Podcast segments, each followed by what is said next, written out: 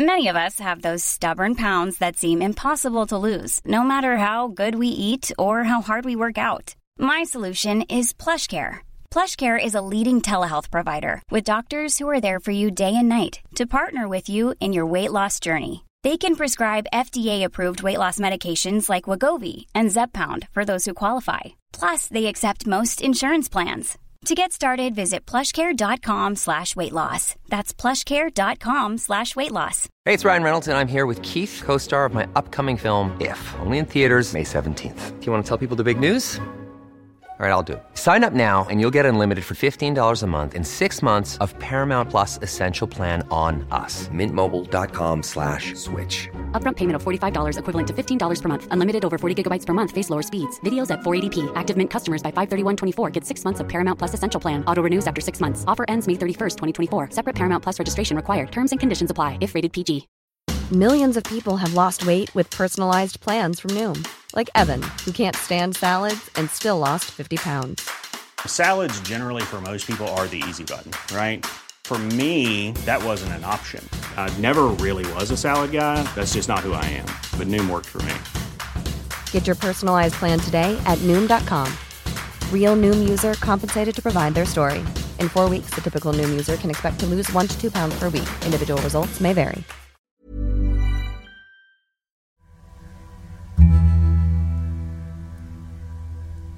Rättegången mot Micke äger rum i Stockholms tingsrätt i början av juni 2007.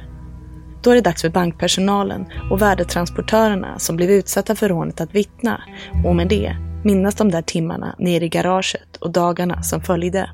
Jag minns att jag eh, efter arbetspasset tog ut mina vänner på, på sjön. Vi får ut eh, med min båt. Skingra tankarna lite och var med mina närmsta vänner. Och sen tänkte man ju på det där. Tänker fortfarande på det där men... Eh, det var ingen... Eh, ingen egentligen annan Polan, som visste att jag var liksom med där i garaget när, när rånarna kom och det är säkert många som fortfarande inte vet om det. Det, det, det blir en liten snackis så här när man privat sitter och pratar och så här och sen är det någon som tar upp det. Ja men det här stora bankrånet på Ålandsbanken, wow vad häftigt. Eller så här, vart tog de vägen? Och, och då, då nämner jag så här, men jag, jag var där. Ja, Va? Var du där? Det är ingen som vet det eller? Dan som flydde in i myntvalvet vittnar om händelsen över telefon. Jag, jo, jag hade fått något meddelande om att eh, jag ska vara med på rättegången och det går bra att vara med per telefon. Jag fick ett datum och tid och som var med på rättegång. Kommer du ihåg någonting när du såg, om du såg någon bild på, på eh, rånarna?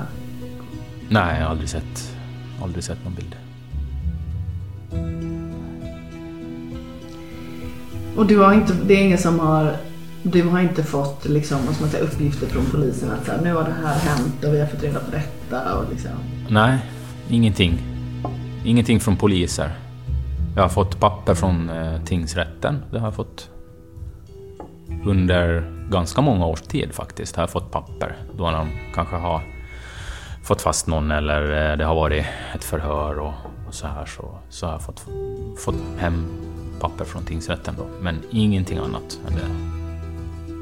Det är heller aldrig någon som har ringt mig och, och haft mig på förhör eller någonting. Så det, det var den gången, den dagen rånet var, då var det en, en polis som frågade mig kanske två eller tre frågor och mitt telefonnummer. That's it. Sen har jag inte hört ett skvatt av någon. Ja. Life goes on. Ja. Mitt namn är Caroline Axelsson och du lyssnar på podcasten Motiv om värdetransportrånet på Åland.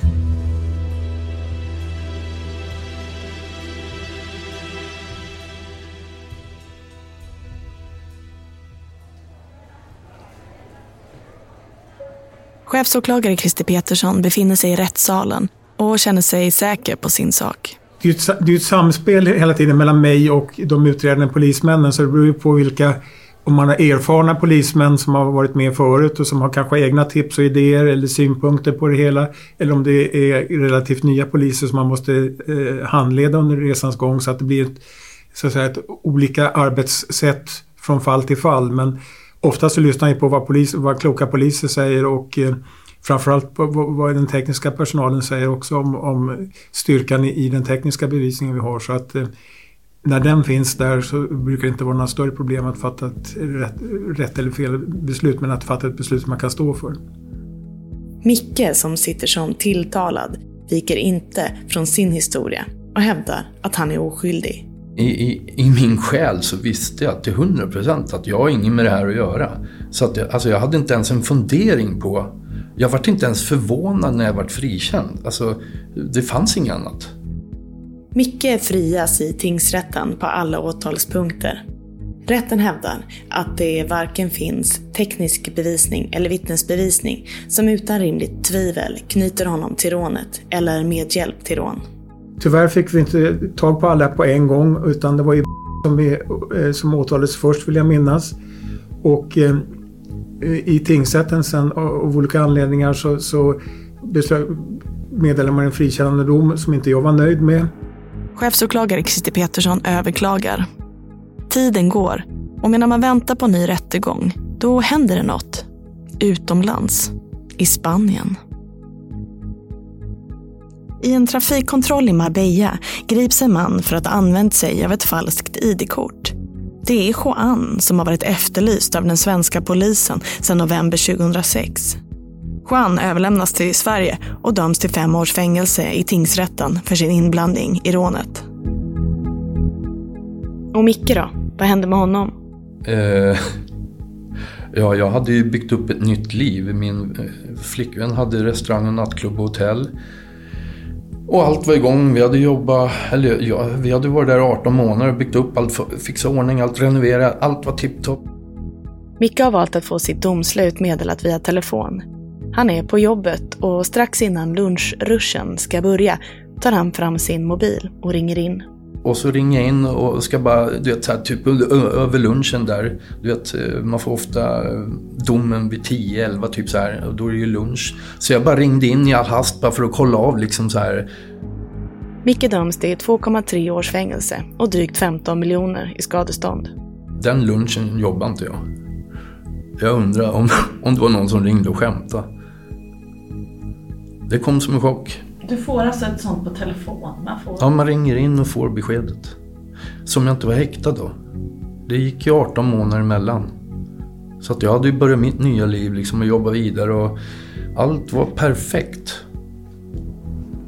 Det brast på två sekunder. Och sen dess har livet varit så här.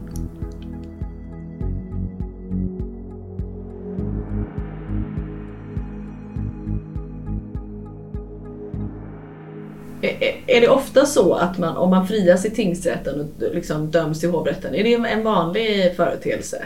Nej, det, det vill jag inte påstå. Chefsåklagare Christer Petersson. Jag är inte någon expert på ändringsfrekvensen i, i hovrätten men det är ju är jag missnöjd, jag tycker att tingsrätten har bedömt bevisningen felaktigt så, så klagar jag ju på den och eh, eh, så att jag kan bara konstatera att i det här fallet så fanns det tillräcklig bevisning för att han skulle anses vara eh, en av de som var inblandade i det här rånet. Minns du någon detalj från rättegången?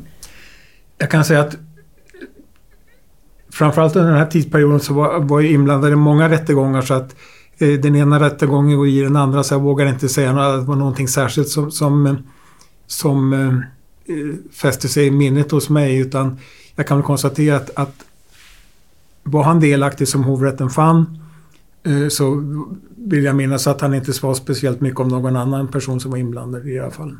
Så att eh, inget, inget speciellt som dök upp där. Men det är också intressant. Du hade mycket, liksom, hade du mycket att göra? Liksom den här, om man får en bild av ditt arbete där och hur du... Ja, det är väl åklagarväsendet i, i sin helhet. Att framförallt om man jobbar på en, på en specialkammare som man sitter på nu. Där har vi mera tid att arbeta med, med fall djupare och längre och intensivare. På, på en allmän kammare så är det många fall som dyker upp på ens bord och man kanske har fyra, fem utredningar igång samtidigt så att det, det blir... Eh, mycket att hålla i luften och eh, det är ingenting som man, det ska vara någonting alldeles speciellt om man så att säga minns detaljer. Tvivlar du någon gång på dina beslut? Eh, jag kan tvivla inför besluten men när jag väl fattar besluten så tycker jag att jag har så pass mycket på fötterna så att när beslutet väl fattas så tvivlar jag inte på det.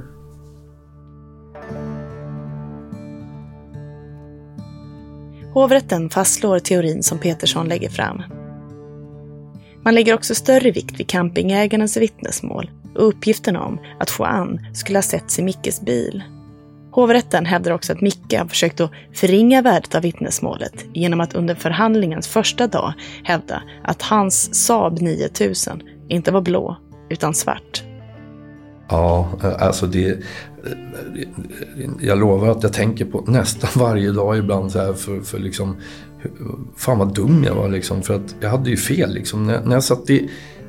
Den där frågan kom upp i hovrätten.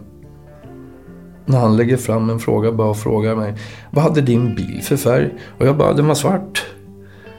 Det var inget mer med så. Jag, jag liksom tänkte inte när jag svarade utan den var mörk. Men, men jag har aldrig tänkt om den var svart eller blå. Så att det, det, liksom var, det var ingen viktig punkt för mig. Alltså, det bara, jag vet inte vad som hände men och han frågade mig, var den svart? Ja. Och då gick han upp och visade, nej men det står ju att den är blå. Och då var det liksom att jag på något sätt skulle förvirra honom och rätten. Ungefär som att min bil avgjorde det här målet. För att jag skulle på något sätt förvirra dem. Eh, för det första så hade inte bilen med rånet att göra enligt dem heller. Utan det var min personliga bil och det var en gammal polisbil förresten. Micke flyttas till fängelset och påbörjar sin dom. Nej, jag hängde på med rollen som rånare. Alltså jag eh, jag, jag, kan inte sitta där inne och, och liksom, nej jag, jag är oskyldig och så här, utan det, nej, men det vart aldrig den frågan utan, utan man, man, man, jag var inställd att få de här jävla 17 månaderna 22 dagar att gå liksom på bästa sätt. Så att det, det, är bara, det är första frasen när man kommer in på avdelningen, det beror på vilket ben man hamnar på. Alltså ett ben är alltså en, en korridor med antal dörrar som kan låsas då. Så att eh, Nej, de på benet undrar vem man är som man har gemensamt kök och så. Det är över på tio minuter, inte ens det. Och sen är det bara tjo och kim, alltså volleyboll och få dagarna att gå liksom. Och sen beror det på hur, hur, hur folk läser av en också. Och hur man uppför sig liksom. Hur då? Alltså, hur... Ja men alltså, jag har ju suttit fyra gånger nu så att man, man ser liksom när folk ljuger. Eh, och ja, men på något sätt så får, de, får man ju fram det ändå om vi pratar om våldtäkter eller golare eller vad som helst. Men, men en rånare eh, som, som jag var dömd som medhjälp till rån, men eh, rubriken är ju alltså medhjälp till grovt rån. Och så alla visste ju om Åland liksom. De pratade om det att ja, alla, de lyckades liksom kom undan med pengarna och bla bla bla. Men det var aldrig någon som frågade, aldrig någon som frågade helhjärtat. Utan det blir bara i, i, liksom, i, i svängen så här. Jag tror inte det var någon som nämnde om det. Eller frågade eller gjorde någonting. Utan, eh, utan man får ta den rollen jag kan inte sitta där inne och snyfta för att jag, jag anser att jag är rätt hård och ball ändå. Då, då kan man inte liksom sitta och beklaga sig att nej, jag är feldömd. Utan nu är det bara genomlida det här och så får man lösa det sen. Är det viktigt att ha liksom en tuff attityd på fängelset? Nej, utan man, man måste bara vara rak och ärlig så att det inte är någon jävel... Nej men så man har ryggen fri liksom. För att det är väldigt mycket tjafs och, och gnet. Alltså, det, det, det, blir så när alla är instängda i samma rum. Problemen kommer inte ut ur rummen. Och det, du vet, jag har sett ganska mycket. Det är typ som gympahallar utan kameror och så här. Där löser man problemen inne, internt. Alltså, nej. Och sen kommer det ut. Och då fortsätter du leva rollen? Ja. Den, den eh, karaktären, rollen har jag fortfarande. I 16 år. Det är liksom... Eh, det, det, Ja, det börjar droppa av nu. Tiden går, folk glömmer. Det är bara de närmsta som håller på och skojar om det fortfarande. Fast de vet inte sanningen fortfarande. Utan jag har en gubbe som heter Benke, han är gammal målare i Rimbo. Han är den enda som har frågat mig helt ärligt. Och han har fått ett helt ärligt svar. Annars är det bara... Det, det, det, det är liksom ingen man sätter sig och pratar om. Tja, fan är det du som är rånaren eller? För det kan också gynna dig då på något sätt att vara... Ja, inom, inom kriminella världen så, så var det väl ett plus. För det ger lite status att vara rånare. Alltså, även i min värld, alltså vad jag tycker så... Nej men det, det är lite jobb bakom det. Jag, I mitt liv så har jag sett upp till sådana. För att eh, det, det, krävs lite. Du kan inte hålla på med narkotika, du kan inte hålla på med alkohol, ingen missbruk alls. Eh, man måste följa allt, det måste vara raka och ärliga svar. Och korrekta svar, 100%. Du kan inte förvränga eller förvrida utan jag, jag ser hela grejen liksom att det är som militärer. Jag, jag tror inte att, att de här killarna bara åker över och chansar. Utan de har full koll. Det tror jag. Och sen att det är insider, ja, det kan jag nästan säga 100 procent. Alltså, de, hur ska de, ska de ligga där hela sommaren och kolla på de här? Alltså, jag, jag förstår inte. Det är klart det är insider.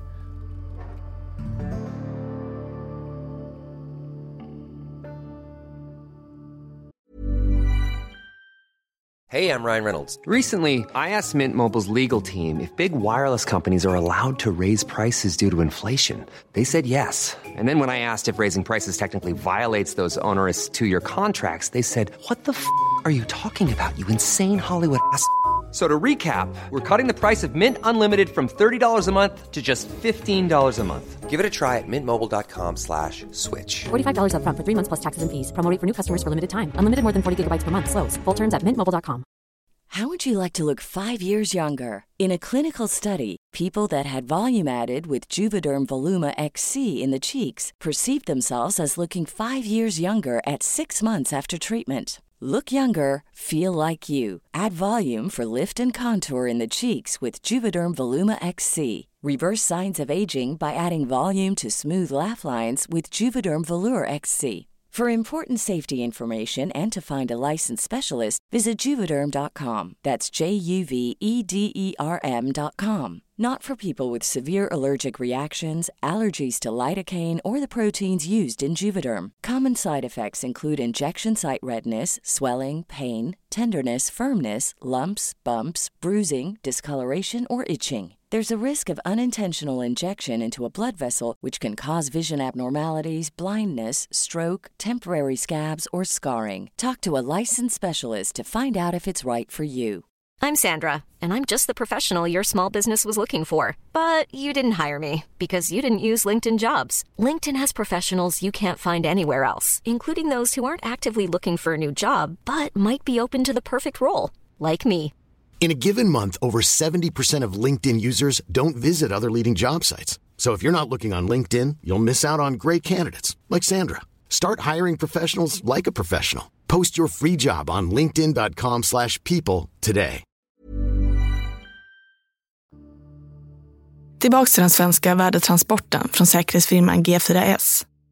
Inga åtal väcktes mot de väktare som körde transporten den här dagen. Men jag kan inte riktigt släppa det där och jag är nyfiken på vad polisen trodde att det rörde sig om.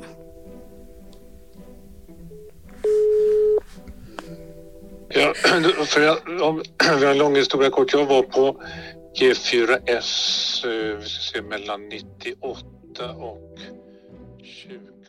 2000. Det var någonting som var konstigt med den här transporten men jag vet inte vad det var. Precis. Och, och jag har jättebra minne, så här Gestapo-minne. Men just det här har ramlat ur huvudet. Konstigt nog, för det, det, var, det var hur många rån som helst där ett tag. Och, och, och vid några tillfällen så misstänkte man starkt insider och ja, det gick inte att påvisa för det. Som talesättet löd där. Idag helgon, imorgon skurk. Det var liksom svårt att veta hur, hur folk skulle vara framöver. Efter otaliga e-mail till polisens rättsavdelning, samtal till före detta anställda på G4S och sökande i arkiven efter information om vad som egentligen hände och om man kunde styrka att det faktiskt handlade om insider, får jag tag på kriminalinspektör Peter Lundberg. Jag tänker som i det här fallet då så är det ganska tydligt, eller vad skulle du säga, att det finns någon form av insiderinformation här? Ja, det var det vi, vi misstänkte ganska, dels tidigt, dels för att eh, känna till rutinen från eh, Ålandsbanken. Så antingen så fanns det information till rånarna, för ingen av dem hade ju någon koppling till Åland. Peter jobbade då på NOA, dåvarande Rikskrim. Och han kommer ihåg att väktarna från G4S mycket riktigt hade avvikit från sitt schema och gjort ett stopp mellan färjan och banken. Det låter ju ganska suspekt, eller? Hur kunde rånarna veta när och hur de skulle slå till? De har ju fått det berättat för sig antingen hos för någon från väktar, väktarna eller väktarbolaget eller så eh, från banken.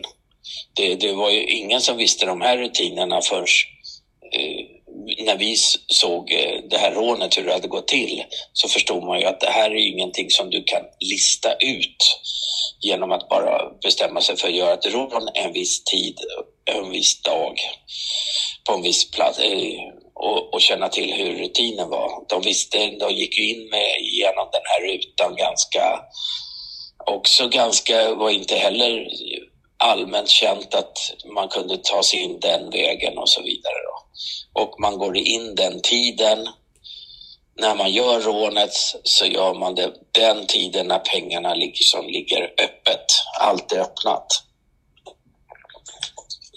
Så det är ju en timing där. Och då är det ju också en timing att de vet eh, som vi misstänkte att rånarna visste att nu är väktarbilen på gång. Nu är personalen från eh, banken att eh, då lägga upp det här på eh, ett bord och göra förbereda för en hämtning.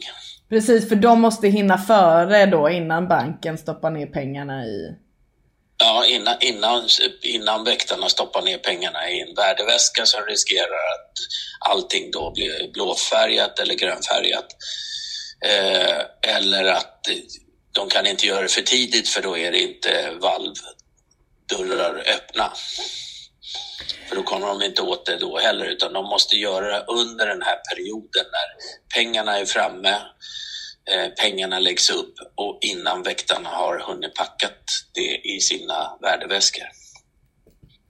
Och då, då kom det ändå på något sätt fram någon slags halvdan förklaring att eh, de hade gjort någonting annat istället för att åka direkt till banken. Ja, de hade, vad jag minns så hade de stannat någonstans, vilket var ganska omotiverat varför de behövde stanna på vägen från färjan till Mariehamn och Ålandsbanken.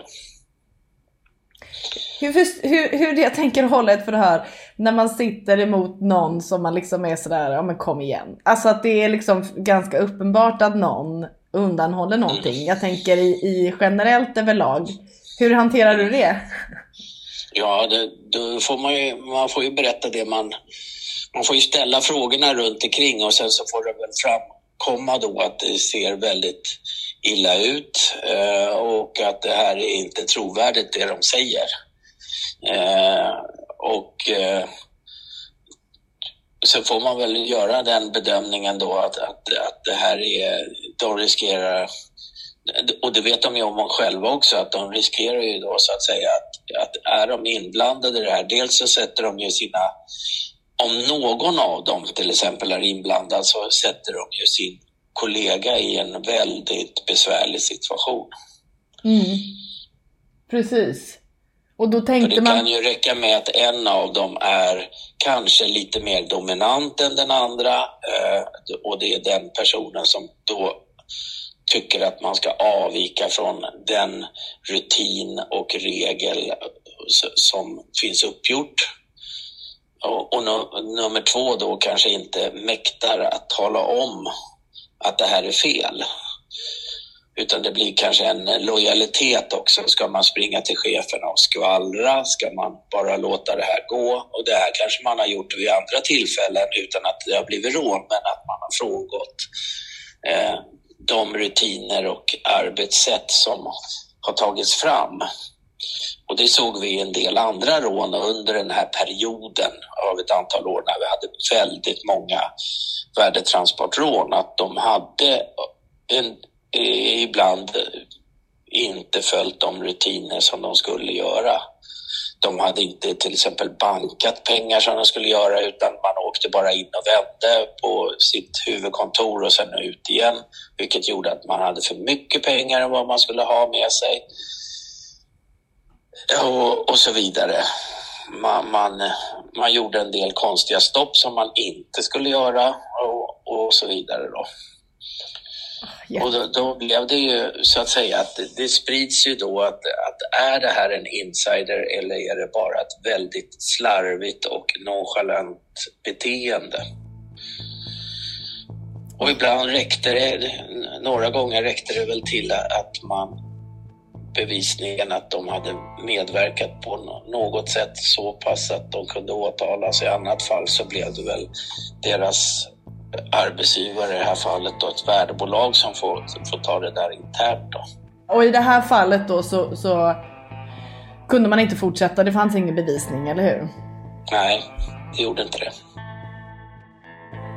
Polisen lägger ner ärendet med G4S eftersom brott inte kan styrkas.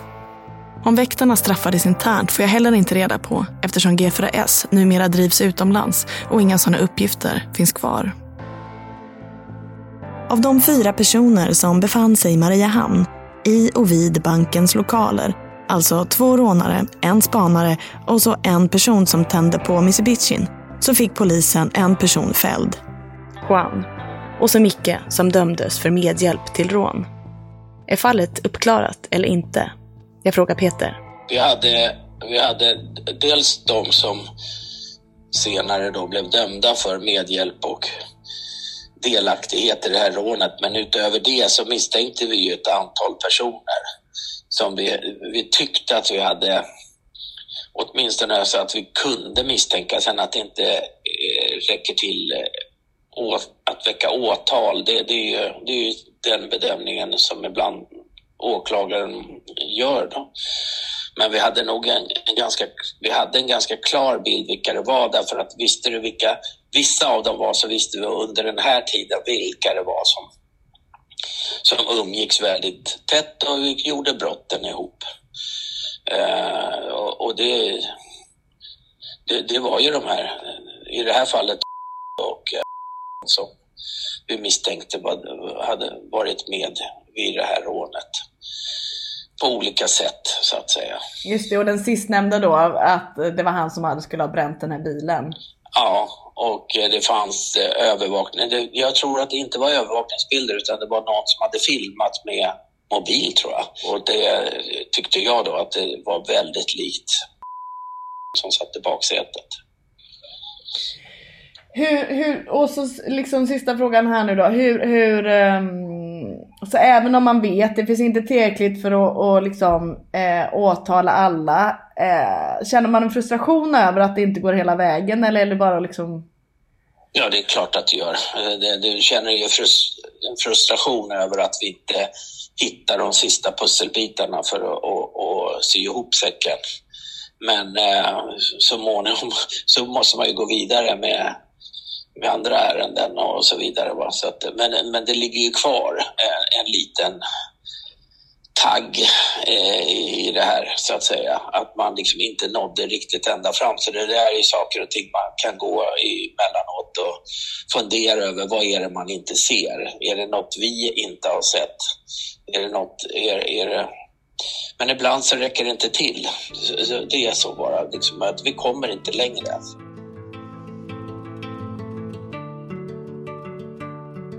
Det som du sa att liksom, det förstörde ditt, ditt liv. Kan vi prata lite kring det? Att så här, ja, det, det, finns många sidor i mitt liv. Det ena var det här med rollen då. Men, men innerst inne när jag stänger dörren hemma så det är många gånger jag grinat För att eh, liksom, som nu då när vi har den här inspelningen så har det gått 16 år. Och, och, och de 16 åren, i stort sett så hade jag nästan kunnat sitta inne den tiden. Där får man gratis rum, gratis mat, kompisar. Man får pengar i fickan varje vecka och köpa kiosk. Här ute, det är bara problem efter det här med rånet med myndigheter. Har du suttit i fängelse innan? Ja. Men aldrig så här under en så här lång tid? Nej, jag, jag satt fem månader och så andra gången satt jag åtta månader.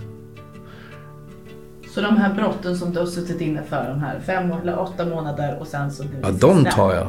De, de känner du inte att du är liksom, vad ska man säga, bitter över? Nej, nej, nej, nej. De, de har jag ju förtjänat. Jag skulle ha haft mer. Jag var en riktig buse liksom. Så att... Eh, nej, nej, nej, nej, nej. Nej, men du vet så här. Jag är uppväxt med att som man bäddar får man ligga liksom. När började du, skulle du säga, liksom... Du säger att du var en buse. Hur var du en buse då? Nej, men i den där byn jag växte upp, det var tusen invånare där. Och eh, det var en annan kompis som hette Roger. Han var också fosterbarn där. Och, och alla grabbar busar, åker moppe och dricker bärs och så här. Lite skadegörelse hit och dit. Och, men det var alltid han och jag som fick skiten. För alla andra hade ju föräldrar som försvarade dem. Det är inte våra barn som gör sådär. Så att han och jag tog varandra hand en dag och bestämde oss för att bli de här busarna. När vi ändå blir beskyllda varenda gång så kör vi. Och på den vägen var det och så vart det värre och värre. Om vi, om vi går tillbaka igen då och så ställer jag frågan. Vad tror du händer med en person som under uppväxten inte har haft någon som har tagit hand om en? Vad tror du händer med en sån person? Ja, an, an, an, det beror på vad man väljer för liv. Då. Jag valde mitt. eh, Jag, det, det, det, antingen leder det till döden eller så, så, så lyckas man.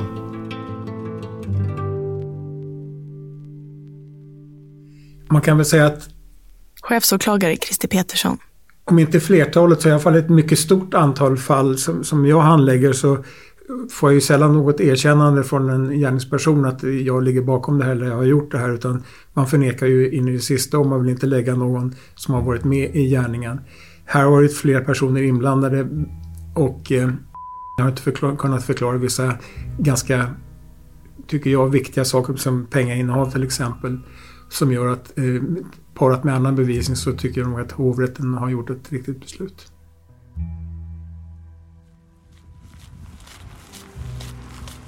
Jag går mot färjan. Min tid på Åland är över för den här gången. Det är november 2002 och jag ska hem och ladda för julen. Jag har träffat fina människor här. Människor som kanske försökt att glömma det som hänt, men aldrig gjort det. Personer som, även fast det gått 16 år, kan peka ut för mig vart den brinnande bilen stod och människor som har sagt att det som hände tillhör det förflutna. Jag påminns hur speciellt det är med öliven då. Människor som anpassar sina liv efter väder och vind. Som bor mitt i havet på en bit land och som därför också lever skyddade från fastlandets oreda.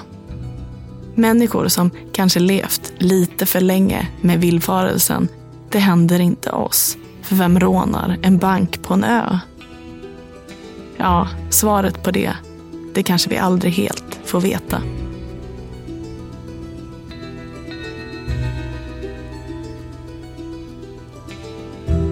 Du har lyssnat på podcasten Motiv om värdetransportrånet på Åland. Producerat av mig, Caroline Axelsson. Exekutiv producent Nils Bergman. Tack för att ni lyssnat.